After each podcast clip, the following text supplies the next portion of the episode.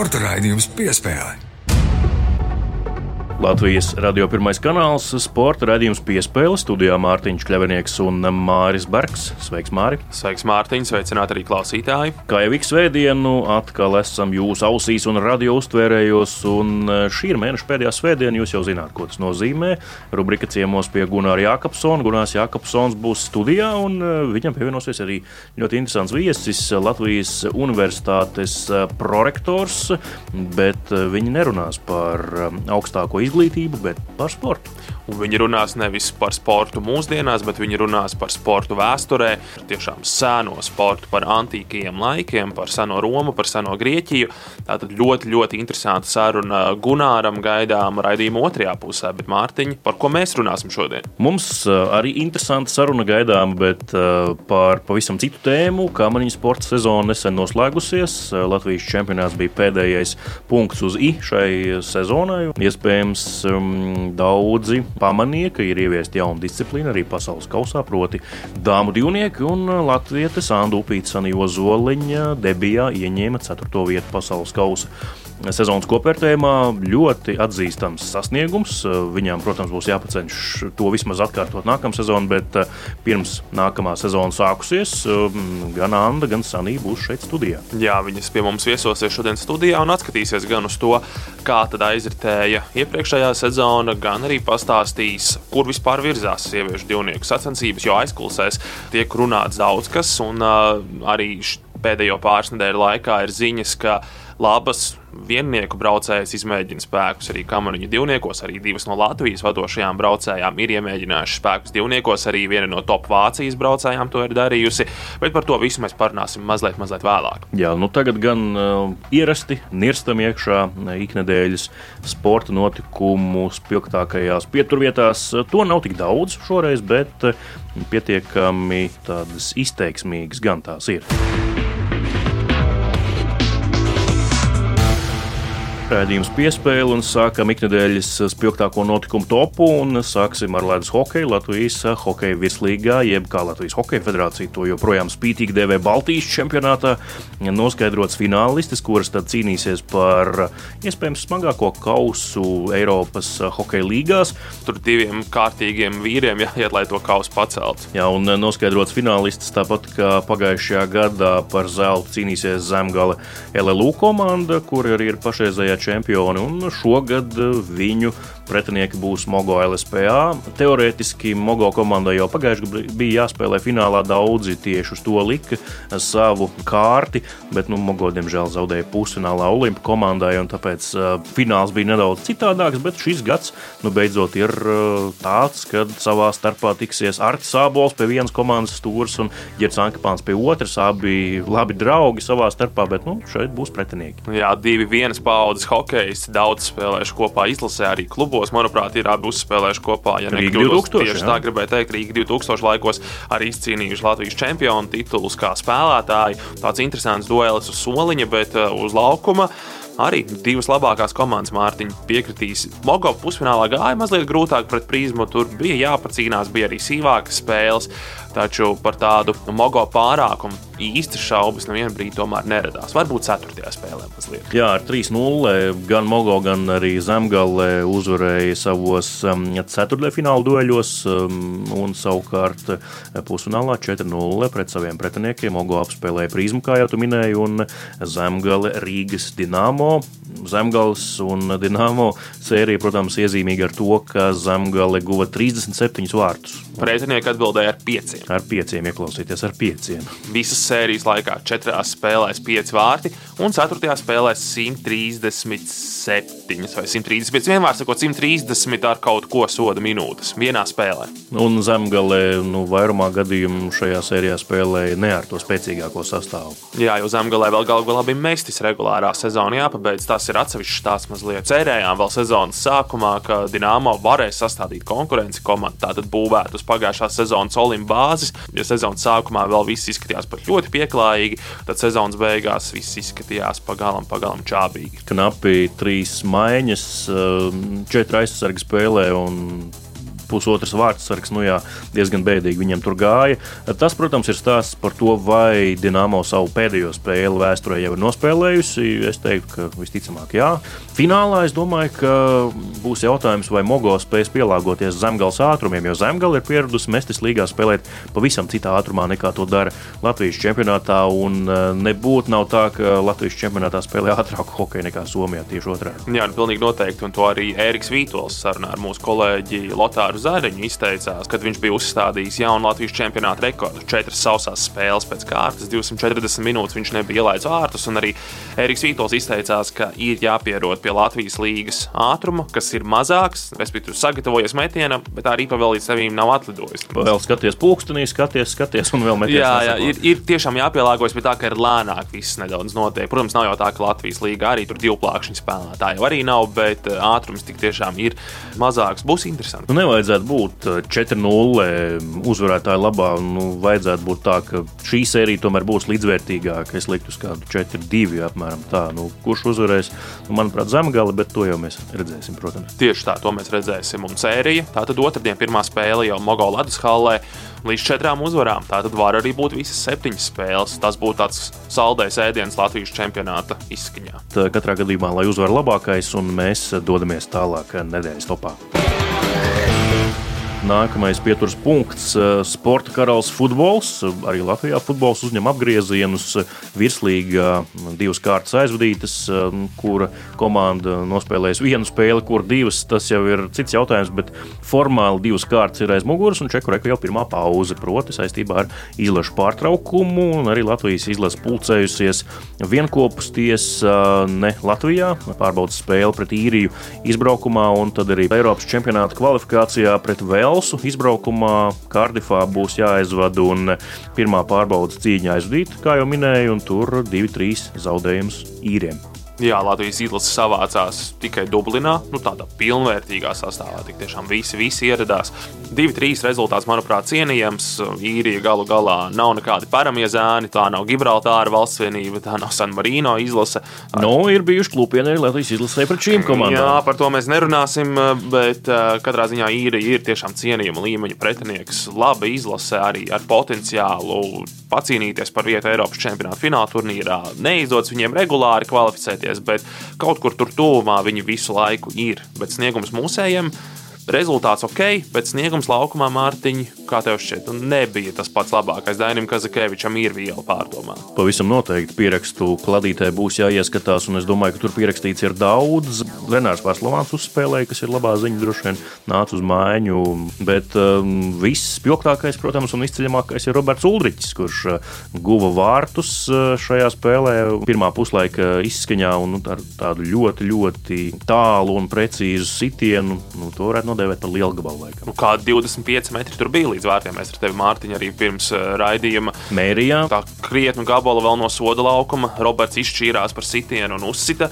un trāpīja devītniekā ļoti precīzi. Tas tiešām, kā, kā es arī sporta ziņās uh, nākamajā dienā izteicos, tad top līgu cienīgs sitiens. Tādus momentus redzam Anglijā, Vācijā, Spānijā, šajās līgās, ka reiz pa reizē kāds futbolists ciešāja šādu sitienu vārtos. Latvijas izlases gadījumā jāpiekrīt komentētājam Ilvaram Kostinkevičam, viens no skaistākajiem vārtu guvumiem izlases vēsturē. Ko tas sola otrdien pret Velsu? Tas cerams, ka sola izlabotas šīs kļūdas un uzlabot sniegumu. Bet, nu, kā Dainis Kazakēvičs izteicās, tad, lai gan varētu šķist, ka Velsu un Īrija spēlē diezgan līdzīgi, tomēr iedziļinoties niansēs, tās ir divas diezgan atšķirīgas komandas. Īsta attaisnojuma nav. Būs laiks visiem strādāt kopā treniņos, gatavoties šai spēlē pret Velsu izdevās iesist divus vārtus īriem, jāmēģina būs iesist Velsē, jo spēle pret īriju galu galā tā ir tikai pārbaudas spēle. Pret Velsu jau būs jācīnās par trim punktiem turnīra tabulā. Droši vien, ka rezumēsim to jau nākamā nedēļa sporta raidījumā piespēli. Un eh, nedēļas top izskaņā atgriežamies atkal pie ledus hokeja, bet nevis pie klubu hokeja, bet gan pie valsts vienības, vīru valsts vienības, kas nu jau tūliņ, tūliņ arī uzsāks gatavošanos um, pasaules čempionātam hokeja Rīgā. Cik es esmu runājis ar Latvijas Hokeja federācijas ģenerālsekretāru Robertu Pļāvēju, tad um, principā jau šonadēļ tā neoficiāli tika nodrošināta iespēja hokeistiem, kur jau ir mājās, beiguši sezonas slidot kopā, patrenēties, izlocīt kaulus. Nedaudz vairāk kā mēnesis Latvijas izlasē sagatavoties. Arī pārbaudas spēles jau ir sarunātas. Latvijā būs tikai divas, būs divi pārbaudas mači pret Šveici. Nu, praktiski... Tādi pliekani pretinieki, teikšu tā. Nu, jā, Polijas izlase tas tā neizklausās pārāk nopietni. nopietni jā, tīpaši priekš elites līmeņa komandas, kas cer kaut ko sasniegt šajā turnīrā. Lielbritānija arī nu, nenoniecināsim Britu hokeja līmeni. Vietējā līga viņiem ir diezgan, diezgan solīda, noteikti spēcīgākā kā Latvijā. Tas ir jāatzīst. Bet viņi nav uh, augstākās divīzijas, jau elites divīzijas dalībnieki. Nu, atceramies pagājušā gada pasaules čempionātu, kā tur gāja. Nu, pirmā bija. perioda 0-2. Kas tagad notiek? Lielbritānija vadībā hokeja pret Latviju. Kas tas būs? Bet nu, pēc tam jau, protams, Latvijas izlasē izdevās atspēlēties. Katrā ziņā tā spēle pret Britiem pavasarī Tāmperē bija murgs. Nu, Šveice ir laikam vienīgais no tādiem tiešām augsta plaukta pretiniekiem. Jā, nu skaidrs, ka Latvijas izlasē tā problemātika nemainīsies. Tā ik gadu ir aktuāla vārtu gūšana un centra uzbrucēji. Nu, tādā ziņā ļoti labi, ka Andris Čeriņš ir iekļauts kandidātu sarakstā. Viņš noteikti, ka tieši šī centra uzbrucēja deficīta dēļ arī visticamāk būs komandā. Nav tā, ka trūktu izvēles. Ir arī pietiekami daudz labu jauno spēlētāju, kuriem agri vai vēl būs jāienāk Nacionālajā izlasē. Harijam Vitoļņiem būs ko padomāt. Bet uh, mēs līdz ar to arī liekam punktu šīs nedēļas spilgtāko notikumu topam. Un uh, tagad pie lielās intervijas studijā aicinām kamaniņu braucējas Andu Upīti un Saniju Ozoliņu. Piespēle Studijā Mārtiņš Kļavnieks un Mārs Bergs, un eh, dažas nedēļas pēc sezonas noslēguma runāsim par kamiņu sportu. Un mm, kamiņu sportu nevis tādā klasiskā izpildījumā, bet par eh, jaunāko no disciplīnām, proti dāmu divniekiem. Šodien mēs esam aicinājuši divas no sieviešu divnieku braucējām, lai iepazītos ar šo disciplīnu, kas ir debitējusi pasaules kausā un kur Latvijas sportistiem arī ir labi rezultāti. Gadiem eh, divnieku ziņā uzmanība bija pievērsta kungiem, Andris Šits, Juris šits, arī citi jaunāki censoņi. Tagad bet, Mārtiņš Bots, Roberts Plūme pārņēmuši stafeti. Jā, bet nekad jau nebija aizliegts. Man liekas, dāmas jau varēja iesaistīties arī šajos divniekos, bet tad būtu jāsacenšas ar kungiem. Gluži vienkārši, jo nebija tādas disciplīnas tikai dāmām. Tagad ir Latvijas labākais divnieks šobrīd Anda Upīti un Sanija Ozoliņa ir šeit studijā. Sveiks, dāmas! Sveiki! Nu, sezona noslēgusies, tagad starpsezona atpūtas laiks. Kā katra no jums izbauda šo eh, brīvo laiku un atpūtu? Par cik es vēl mācos skolā, tad es uh, savus pēdējos darbus, cik man ir palikuši, mēģinu visus saraut, cik vien var, un, uh, protams, arī atpūsties, pavadīt laiku ar ģimeni. Kā Andai?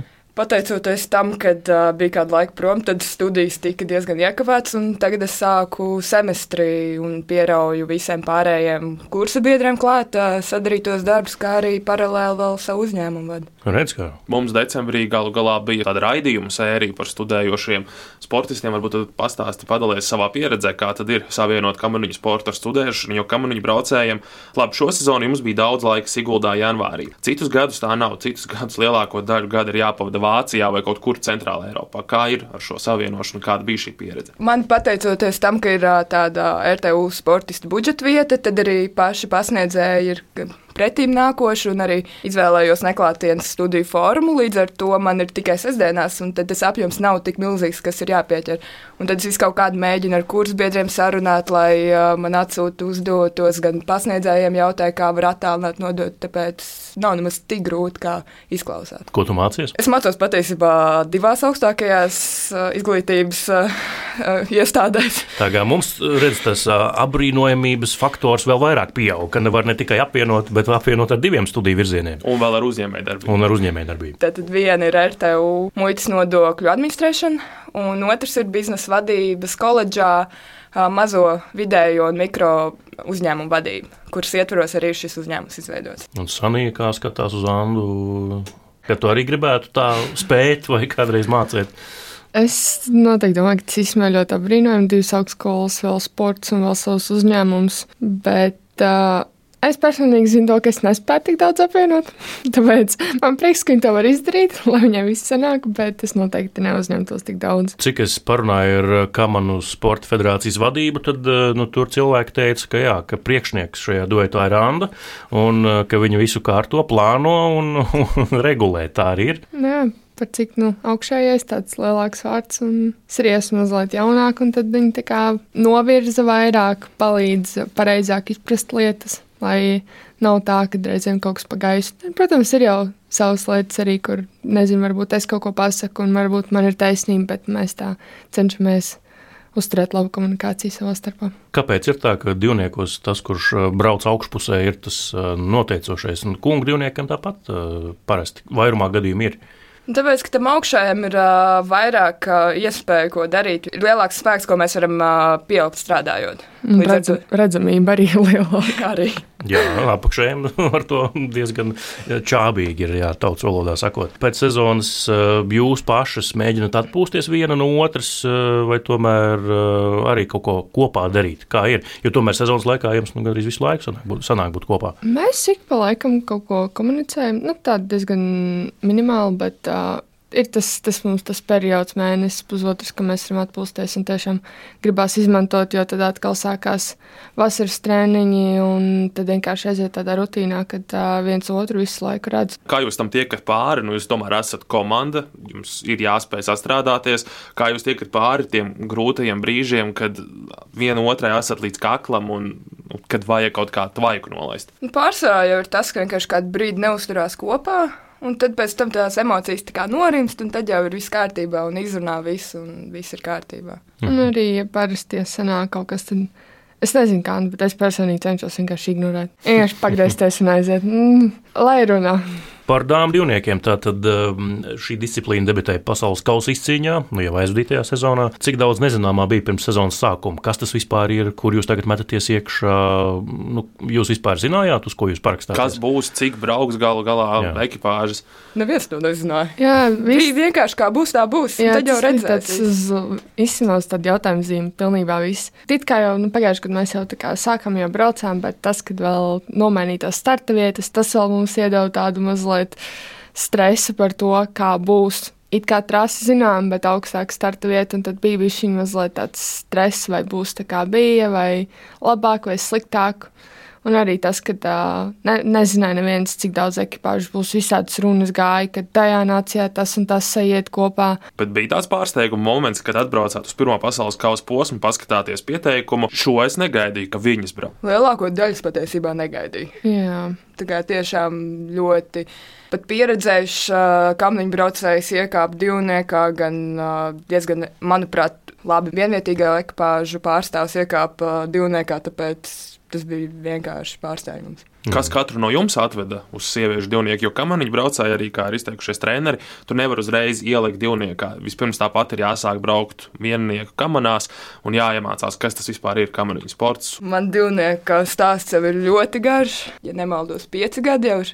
Šobrīd, ko es mēģināju, tad atmetu, tad atkal mēģināju otrais, tad atkal nesanāca, tad viens pārnieks, tad otrs pārnieks. Tā visbeidzot, kad pateicu, ka nu, būs tas sieviešu divnieks, tad arī treneris pieaicināja sanīklāt. Nu, un iepriekš jūs vienu otru pazināt, zinājāt? baigi īstenībā. Mums arī ļoti interesanti bija, ka mums pēc tam, kad mēs brauksim kopā, mēs abas divas pusvasaras nevarējām saņemties, sazināties un uh, aprunāties. Pirmo reizi viņa Instagramā ieraudzīja. Pat ne trasē, bet Instagramā. Redz, kā nu, modernais laikmets, nekā neparasts laikam tomēr. Bet uh, vispār kādas jūs abas esat? Jūs esat atšķirīgas personības vai tādas līdzīgas pēc raksturiem? Es īstenībā teiktu, ka mēs esam ļoti atšķirīgas. Pilnīgi visās tēmās, bet uh, es pat teiktu, ka tas īstenībā ir labi. Man būtu ļoti grūti komunicēt ar kādu, kas ir ļoti līdzīgs man. Man liekas, es saskatītu pārāk daudz visādas problēmas, un tas nebūtu labi. Kur ir tā karstasinīgā un kur ir tā vēsā šajā, šajā duetā? Kur ir vairāk emocijas, kur ir vairāk ledus? Īstenībā, kā kur reizi. Es ļoti, man ļoti ātri aiziet, tā teikt, ciet. To es atzīstu. ir jau labāk. Pagājušajā gadā bija trakāk. Bet nē, es domāju, ka uh, ir situācijas, kurās Anna būs mierīga un es uh, psihošu, un ir situācijas, kad ir tiešām otrādi. Galvenais jautājums ir, lai veidojas tas iņu un jāņa tas uh, līdzsvars, vai ne? Tas status quo, ka jūs vienu otru nevis uh, vienai, vienu otrai traucējat, bet vienu otru papildināt. Ja viena uzdod emociju, tad otra nomierina un otrādi. Cik ilgi vispār jūs uh, katra esat trenējusies kamaniņu sportā? Kāda ir tā jūsu vēsture? Nu, man ir ļoti īsi, man kā četri gadiņi. Man 13 sezonas ir bijušas. Es jau labu laiku iepriekš tam, kad tas bija mazāk, man tā kā interesēja, bet uh, tad pirmā reize apbraucu pa Siguldas starta es kādu, un es pateicu tētim, ka nu ne, nu nebūs. Bet, uh, jā, pēc tam uh, kaut kā, kaut kad viens no treneriem piedāvāja. Pamēģinu joku pēc, un kaut kā pamēģināju, un tad aizgāju spēku apvienošana divniekā, nu, tas ir tāds, um, nu, jūs tur saskatījāt arī kaut kādu, nu, skaidrs, ka nu, katrs jau saskata kaut kādu izdevīgumu, iespēju, lielāku potenciālu, jā. izcīnīt labākus rezultātus. Ka varbūt jūs redzējāt, ka tā viennieku karjera katrai no jums nu, īsti nekur tālu neaizies, un tas potenciāls nebūs tik liels, kā apvienojot spēkus arī olimpiskajā kategorijā, vai tas bija tas galvenais katalizators, kāpēc jūs sasēdāties vienās kamerās? Nu, man tas, kāpēc es vispār sāku divvietīgās ekipāžās braukt, bija tas, ka es braucu visu laiku vienvietīgā ekipāžā, un tie rezultāti nu, nebija līdz galam tādi, kādus gribētos. Es pārāk stipri visu gribēju darīt, bet vienvietīga ekipāža ir tāda ļoti filigrāna lieta. Un, Tas vienkārši nebija priekš manis. Labāk der. Tieši tāpat kā kurps. Derēs mm. jau varbūt vienmēr tas izmērs, bet būs tās vienas tās īpašās, kas būs vislabākās. Parunāsim par uh, šo pasaules kausa sezonu. Kopvērtējumā 4. vieta ļoti labi, arī piedestāli, arī ļoti augsts sasniegumi. Nu, kā jūs paši tagad skatāties pēc sezonas uz to, ko paveicāt? Sezona bija negaidīta laba. Pēc pagājušās sezonas es ne tuvumā negaidīju kaut ko tādu. Protams, mērķi uzprausti augstākie, bet uh, gan arī ne gluži kā pelnušķītas stāsts, bet uh, tāds uh, labs, uh, labs sākums. Jā, labs sākums. Tad, kad es uzzināju, ka ļoti daudzi labi vieninieki gribēja iet kā, apvienoties ne divniekā, es mazliet tā kā sabijos. Man liekas, ka nu, bāc, nu, kāda iespēja, ka mēs tiksim kādreiz trīniekā ar tādu konkurenci. Bet uh, vienkārši strādājam, centāmies prātu uzkāpt uz starta. Izdarījām, ko vien varējām, un uh, tad jau kaut kāds rezultāts atspoguļojās. Kad tā pārliecība vairojās, tad, kad jau bija tie pirmie labie sasniegumi, ka te būs labi, te var būt kaut kas labs. Pats sākums jau bija tas, ka mēs šogad pievienojāmies Nacionālajai izlasē, līdz ar to visa treniņa metodika pilnībā viss savādāks. Manā gadījumā es beidzot atkal nokļuvu pie saviem vienaudžiem, kas manā vecumā sportistiem, un tas jau tāds zinuls bija vairāk uz priekšu pirmais posms jau bija tāds pamatīgs atspēriens, tāds, kad uh, ir iespējams. Sezonas augstākais punkts pasaules kausa Siguldā droši vien tur tie rezultāti bija visaugstākie. Patīkami redzēt, ka joprojām trases rekords pieder mums. Tas ir ļoti patīkami. Bet uh, nav jau tā, ka kamniņu braucēji vienmēr ir ļoti priecīgi, ka pasaules kausa posms notiek Siguldā, jo tas ir papildus spiediens, esot mājās, un Siguldas trasa tomēr arī ir. Viltīga trasa. Arī diezgan daudz galu galā, neskatoties uz to, kāda bija laika apstākļi. Kad Latvijas kausā bija tāds pārāk labs brauciens, Tad tajā braucienā man bija tāds klikšķis, kā izbraukt pareizāk to Siguldas trasi, un kopš tā brīža arī labāk uh, iet visas tās virāžas. Par tehniku gribēju jautāt, jā, nu, tās ir standarta kamanas vai speciāli jums gatavotas. Nu, tur ir dzirdēti dažādi fakti par un ap dāmu divnieku kamanām. Kas tad tam lācītam vēdrā? Diemžēl tas ir standarta kamanas. Standarta kamanas. Kāpēc, diemžēl? Ar viņiem ļoti grūti strādāt. Ir. Nevis tieši trasē, bet nu, arī trasē reizēm. Bet, uh, bet tur Mārtiņš Rubens neko nevar pieslīpēt, pielāgot, pakausēt. Viņš, viņš jau ir, mēs esam izdarījuši maksimumu, cik vien var pielāgoties. Jo ir lietas, ko var mainīt, un ir lietas, ko nevar mainīt. Un vienkārši tas, ka kamera netiek būvēta tieši priekš mums, tas pats aplicētājs nav veidots tieši uz mums, tas mazliet sagādā grūtības. Jo man, pieņemsim, man ir ļoti daudz jāiebīdās uz iekšu kamerā, lai es tiktu savā pozīcijā, ko citi kamerās varbūt nedara. Vienkārši, es nezinu, varbūt tas ir tikai man, bet uh, es domāju, ja mēs varētu paši taisīt, ka mums būtu bijis vieglāk. Nu, man ir tā pieredze no pašiem pirmsākumiem šīs firmas kamerām, kad nu, tiešām pilnībā neko nevarēja mainīt. Nu, tad šajā brīdī tās kameras gandrīz jau būtu kā latviešu kameras taisītas. Tā salīdzinot, bet, protams, vēl ir daudz ko varētu mainīt. Kāpēc ir tā, ka Startautiskā federācija paliek pie šādām standarta kamerām, nu, lai visi būtu vienādās izējas pozīcijās? Uz godīgu, posmā, uz godīgu sportu, lai mm. iet vairāk. Es jums tā domāju. Bet nevajadzētu arī visās pārējās disciplīnās tāpat ieviest? Jā, tas ir tāds interesants jautājums, ka tikai sieviešu divnieki. Bet es domāju, ka par cik jaunu disciplīnu viņi vienkārši es teiktu, testējās. Pa kā man parasti un slīdu es ņemos, senajai pārsvarā nāk pirms sacensībām visu to kosmētisko darbu, darīt tur uzpulēt. Tāpēc es, protams, gribētu zināt daudzreiz vairāk, un es zinu, ka tur ir ļoti daudz lietas, ko es nezinu, un nezinu, vai vispār kamniņa karjeras laikā uzzināšu. Bet tā, tā lai sataisītu kamanu sacensībām, ir pietiekami zināšanas. Dzirdējām, ka pavasarī divas no vadošajām vienonieku braucējām, Kendija Aparjoda un Elīnija Vītola, izmēģināja spēkus divniekos. Jūs te tagad smaidat, smējaties jau būtībā, ko klausītāji neredz. Kā, kā sanāca viņām? Jā, kā, kā viņām sanāca? gāja, vai vispār redzējāt, kā viņām gāja? Cik es zinu, tam meitenēm gāja ļoti labi. Es redzēju, klātienē visu izties diezgan cienīgi priekš pirmās nedēļas. Izties gan kā gadu kopā brauc divnieks, bet, protams, viņam vēl ir jāuzkāp līdz dāmas startam, un tur jau būs uh, cits stāsts. Jā, īstais divnieks. Bet lai veicas. Jā, noteikti gaidīsim konkurencē. Jā. Bet eh, līdz Milānas Kortīnas Olimpiskajām spēlēm ir trīs gadi palikuši. Kā jūs domājat, vai būs ar vien vairāk vieninieku braucēju, kuras pārkāps divniekā un veidos divniekus? Es domāju, ka noteikti, jo tagad tas baigi ir tāds kā bums kamerīna sportā. Sieviešu divnieki, jo redz, kā itāļu divnieks Andrejā Votera un Marijana Oberhofer ir sagājuši kopā un pļauj medaļas. Un tad es domāju, tas ir visiem tāds tā kā stimuls, kad o, mēs arī braucam, un tad varētu iekāpt tajā divniekā un arī pļaut tās medaļas. Tikai vienīgais tas, ka varbūt no malas izstāsta, ka tas ir ļoti viegli, bet uh, nu, tad jau redzēs, kad iekāps divniekā, kā, ka tas nav nemaz tā, ka būs viegli gan vienvietīgo ekipāžu, gan divvietīgo braucienu. Jā, īstenībā ļoti labs piemērs ir no tās uh, treniņu nometnes, kas mums bija Siguldā, Vācu divniekā brauca tādā Dajana Eidbergera. Viņa bija iekāpusi divniekā. Uh, augšējā vieniniece. Es par apakšējo nezinu, varbūt Anna kaut ko vairāk par viņu zina. Pirmo reizi redzēju. Jā, un tiešām meitenes netika līdz finišam. Visu laiku, katrs brauciens braucienā krīta. Un cik ja daudz seko baigām sportam, tad labi zina, ka tā Dajana Eidbergere visu laiku brauc pa medaļām. Paldies par sarunu. Anna Upīts, Anna Jozoliņa, dāmu, kā manu divnieks, Latvijas labākais bija šeit studijā. Paldies, ka atnācāt dalījāties pieredzē. Bija interesanti jūs iepazīt uh, ar šīs sarunas palīdzību. Cerams, ka arī klausītājiem bija interesanti un tiekamies jau kādu citu reizi. Jā, paldies, ka atnācāt un novēlēsim, lai nākamgad izdodas spērt solīt augstāk no 4. pakāpiena kofertējumā, tikt jau kādu, kādu vietu vēl augstāk. Paldies, ka atnācāt! Paldies! Sporta raidījums piespēlē!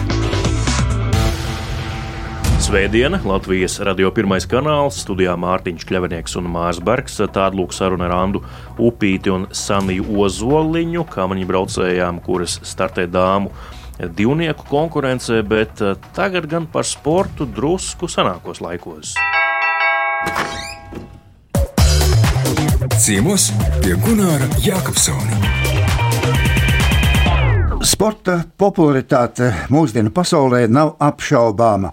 Arī tā senā saikne ar kultūru, ar mākslu, Nu, tomēr kino, teātris un grāmatu pasaulē sports, manuprāt, ienāk samērā reti. Tāpēc mani patīkami pārsteidza nesen Ķīpsalā notikusie grāmatu parāde, kurā ieraudzīju arī grāmatu ar vilinošu nosaukumu Sports senajā Grieķijā un Romā sabiedrības spogulī, un iepazinos ar tās autoru, Latvijas universitātes prorektoru Valdi Segliņu. Zināju, ka profesoru Vilina senatne un tās noslēpumi, ka veltīts kāds desmits viņa grāmatu un zinātnisku monogrāfiju, bet lūk, pēkšņi arī sports.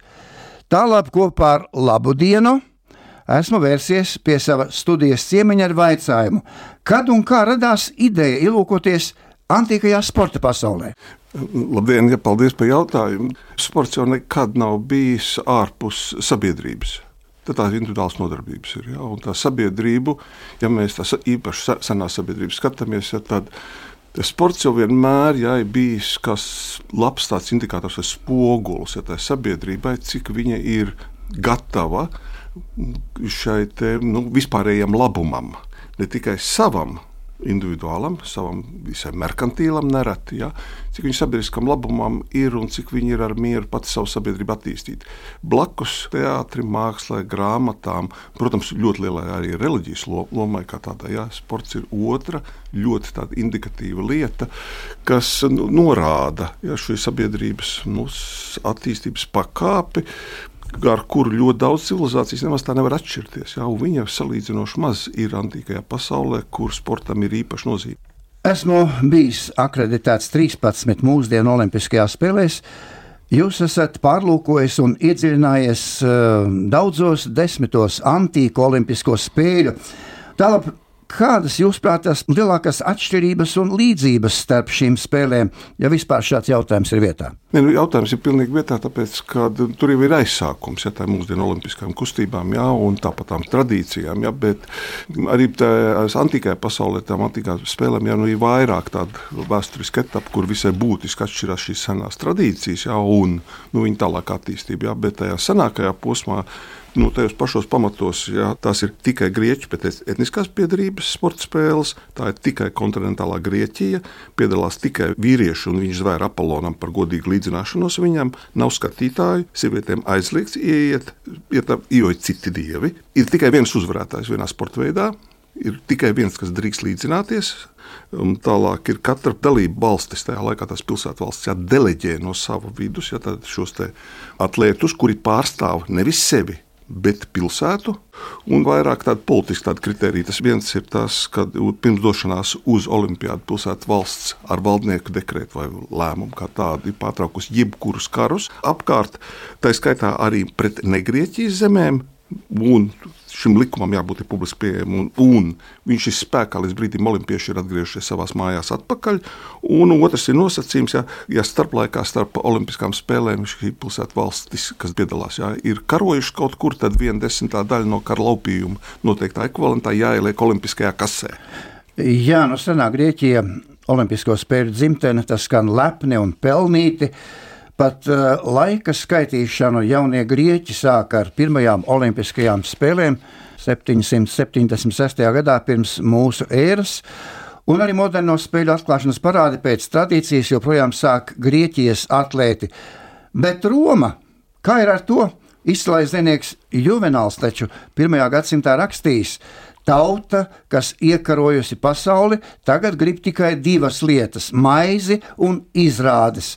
Vai tas attiecās arī uz sportu? Diemžēl, jā, tas ir tas posms, ja, kad sports un visas tās sporta tradīcijas un ļoti, ļoti attīstītā nu, kultūra, sporta saistītā, kas ir pati par sevi jau bijusi ikoniska. Senajā Grieķijā daļai tas saglabājas Maķedonijas vai, vai Helēnismu laikā. Jā. Tad Romas laikā jā, tā kļūst par izklaidi, izpriecu, viņu vada imperatori. Un, protams, jā, teiksim, varbūt tāds uzskatāmākais pie, piemērs ir Nērons, ja, kurš um, Olimpiskā cikla četras spēles, jā, visi savieši vienā spēlēs. Tas ir vienā, vienā sezonā, jā, un visās viņās, protams, viņš ir uzvarētājs. 1981. gadā Bādenē notika Olimpiskais kongress kurā cīņā par Olimpisko spēļu saimnieces godu uzvarēja Kalgarī, Kanādā. Uzstājās pretendentu pilsētu vadītāji, dziedātāji, mākslinieki, gardu ēdienu radītāji arī neizpaliek Olimpiskajās spēlēs plaša mākslas un kultūras programma, bet cik lielā mērā šī tradīcija ir patepināta no senajām Olimpiskajām spēlēm? Īstenībā ļoti tieši, jā, un fakti, bet tikai nu, ar viņai nu, teiksim, arī transformēties kā tāda, jā, ir jau pirmajās Olimpiskās spēlēs, jā, olimpietim, tas, kas pretendē, ja tas ir jau ir pilnvarots, izgājis kvalifikācijā un tālāk drīz piedalīties pašās spēlēs, sacensībās. Tad viņam ir blakus kvalifikācijas rādītāji jāveic, ja vispirms viņam pašam par sevi jā, jāprot lasīt, rakstīt, rēķināt, viņam ir eh, jāprot spēlēt mūzikas instrumentus, un viņam ir eh, jābūt ar pietiekoši apdāvinātam oratoru mākslā. Un šīs sacensības oratoru mākslā, un tāpat tās arī mūzikas instrumentu izpildījumā vai dziedāšanā, jā, ir pielīdzināts un uzvarētājs tiek pielīdzināts olimpiādas uzvarētājiem šīs ir ļoti nozīmīgas Olimpisko spēļu daļas. Ja no Olimpiskā kustība, kas aizsākusies senatnē, manuprāt, ir tāda kā olimpiskā svētupe, mm, kurai mm. lemts mūžīgs plūdums. Nevelti senatnē seno spēļu laikā tika pārtraukti pat kari, kā mēs minējām. Diemžēl mūsu laikos šajā straumē iekļūst neviens vien akacis, šķērslis, kas rada draudus olimpiskās kustības nākotnē. Nu, Pierre de Coubertens sacīs, o sports tu miers. Diemžēl Karš vairāk kārt izrādījies stiprāks par Olimpiskajām spēlēm. Tās nav notikušas ne Pirmā, ne Otrā pasaules kara laikā. Kā labi eh, melnie spēki izrādījušies tomēr spēcīgāki jau turklāt 20. gadsimtā? Protams, īsti zināt nevar, ja, bet pēc tām līdzībām, ja, un cik tālu mums tā vēsture rāda, ja, tā ir tautas vēlme saredzēt visā tajā primāri izklaides, un nenoliedzami tā ir naudas vara. Tieši tāpat tās, kā tas bija senajā Romā, kas pārvērta sporta sacensības, jā, par apmaksātām gladiatoru cīņām, wrestling mūsdienās mēs to teiktu. Bez pagātnes nav tagadnes, bez tagadnes, protams, nebūs arī nākotnes. Kā vērtējat olimpisko šodienu, kad nedaudz vairāk kā gads mūs šķir no Parīzes Olimpiskajām spēlēm un nu, Krievijas agresīvi turpinās joprojām Ukrainā. No senatnes skatījuma, jā, šeit nav apspriešanas priekšmetā, jā, jo gluži vienkārši šī valsts nav pārtraukusi kardarbību, jā, un viņas sportisti nedrīkst piedalīties nekādās kvalifikācijās nerunāja par pašām spēlēm. Vienkārši nedrīkst. Jā, un, uh, viņi tiek izslēgti uz olimpisko ciklu. Tā skatā visu veidu kvalifikācijas spēlēs, tāpēc ka viņi pārstāv valsti. Tās nav individu sacensības no senās Grieķijas puses. Jā, kāds, jūsuprāt, varētu būt Parīzes Olimpisko spēļu formāts? ar Krievijas un Baltkrievijas sportistu līdzdalību, ar tā saucamajiem neitrāliem sportistiem no Baltkrievijas un Krievijas vai kā citādi? Es droši vien pārāk cīniski būtu teikts, ja, ja mēs uz Olimpiskām spēlēm skatāmies kā uz atklāšanas pasākumu, lielo šovu, jau noslēgumu atkal kā šovu, ja, un, un pa vidu arī viņa sports ir. Ja, tāds, ja, tad īstenībā tur ir pilnīgi vienalga, kas tur kā piedalās. Ja, ja mēs viņu skatāmies, ka tā ir tomēr sacensības ja, un labāko godināšana, izcelšana. Ja, un, ar mērķi, ja iespējams, sporta popularizēt pasaulē, tas ir iesaistīties pēc iespējas vairāk tieši sportiskajās aktivitātēs, ja, tad vienkārši tas ir nesaprotams, par ko mēs vispār runājam. Jā, nu sūtīsim labas domas Ukrainai, arī Olimpiskajai kustībai kā tādai. Bet nobeidzot mūsu sarunu, kā jūs vērtējat šobrīd sportu ikdienā? Jūs uh, dienās saskaraties ar ar studentiem. Kāda ir sporta vieta, loma mūsdienu studentijā? Kā jūs to skatāt nākotnē? Šo, šobrīd viņi absolūti ne, ne, nepietiekoši ir. Faktiski teiksim, tas fizisko nodarbību, ja tas nepietiekama daudzums jau skolā, vēl vairāk arī augstskolā, ja viņš jau kļūst par apgrūtinājumu. Īpaši dabas zinātnes pētniekiem nosēdēt tās 8 stundas ja, pie, pie mikroskopa vai 20, līdz pat 20 stundām pie datora vai tam līdzīgi, kas ir vajadzīgs. Ja, bez sportiskās nodrošinājuma tas nav iespējams. Un uh, šīs iespējas, ja, viņas absolūti nepietiekušas. Ja, augstskolās noteikti ja, ir jātīsta sports, fiziskā kultūra, tāpat viņa dažādošana. Un loģiski, ka no viņas ja, izrietāt arī to labāko izcelšanu vai labākās studentīs sacensības un tam līdzīgi. Ja, bet šobrīd ja, tas mūsdienās ja, ir absolūti nepietiekoši. Absolūti nepietiekoši. Un vēl klāt, kāds būtu jūsu vēlējums jaunajai paudzei kopumā? Kura sporta, olimpiskās kustības un olimpisko spēļu stafeti turpinās.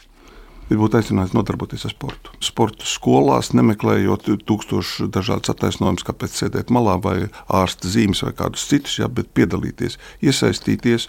Tomēr saskatīt aiz visiem tiem šoviem, jā, tomēr šo sportistu, viņa treneri jā, un visu to skolu, kas ir nodrošinājuši šos augstos sportiskos sasniegumus, kuriem ir pareizi sekot jā, un abrīnot šos sportistus, saskatīt viņā nu, vairāk nekā mēs redzam multiņu varoņos vai kaut kādos filmās. Jā. Sports tas ir reāli, tas notiek dzīvē. Paldies, paldies, ka veltījāt laiku un atnācāt pie mums uz studiju. Mēs esam pirmie viesi šai jaunajā Latvijas radio studijā. Kā jūs vērtējat, kā jūs jūtaties, kā mēs skanām, jūsuprāt? No iekšpuses ir vienreizējs sajūtas, ir tādas ļoti neparastas, bet klausītājs gan novērtēs labāk, kā tas skan jau ēterā. Paldies jums, un es vēlu jums eh, panākumiem bagātu, sportisku, pirms olimpiskā gada pavasari. Paldies! Paldies. Latvijas radio pirmais kanāls, sporta raidījums piespēle studijā Mārtiņš Kļavinieks un Mārs Bergs. Mēneša pēdējā svētdiena, līdz ar to arī izskan šis raidījums, un mēs jau uh, tiksimies aprīlī. Tieši tā gada siltie mēneši izskatās uh, sporta notikumiem pārbagāti. Būs tiešām interesanti, bet uh, mēs būsim atpakaļ nākamnedēļ ar jauniem tematiem. Vēl tikai atgādināsim, ka raidījumu piespēle var dzirdēt ne tikai radio un lineārajā apraidē, bet arī visās populārākajās raidierakstu vietnēs, un tāpat piespēli var meklēt arī Latvijas radio arhīvā. Jā, tiekamies radio viņos jau atkal nākamā svētdiena un vislabāk! Uz tikšanos! Sporta raidījums piespēlē!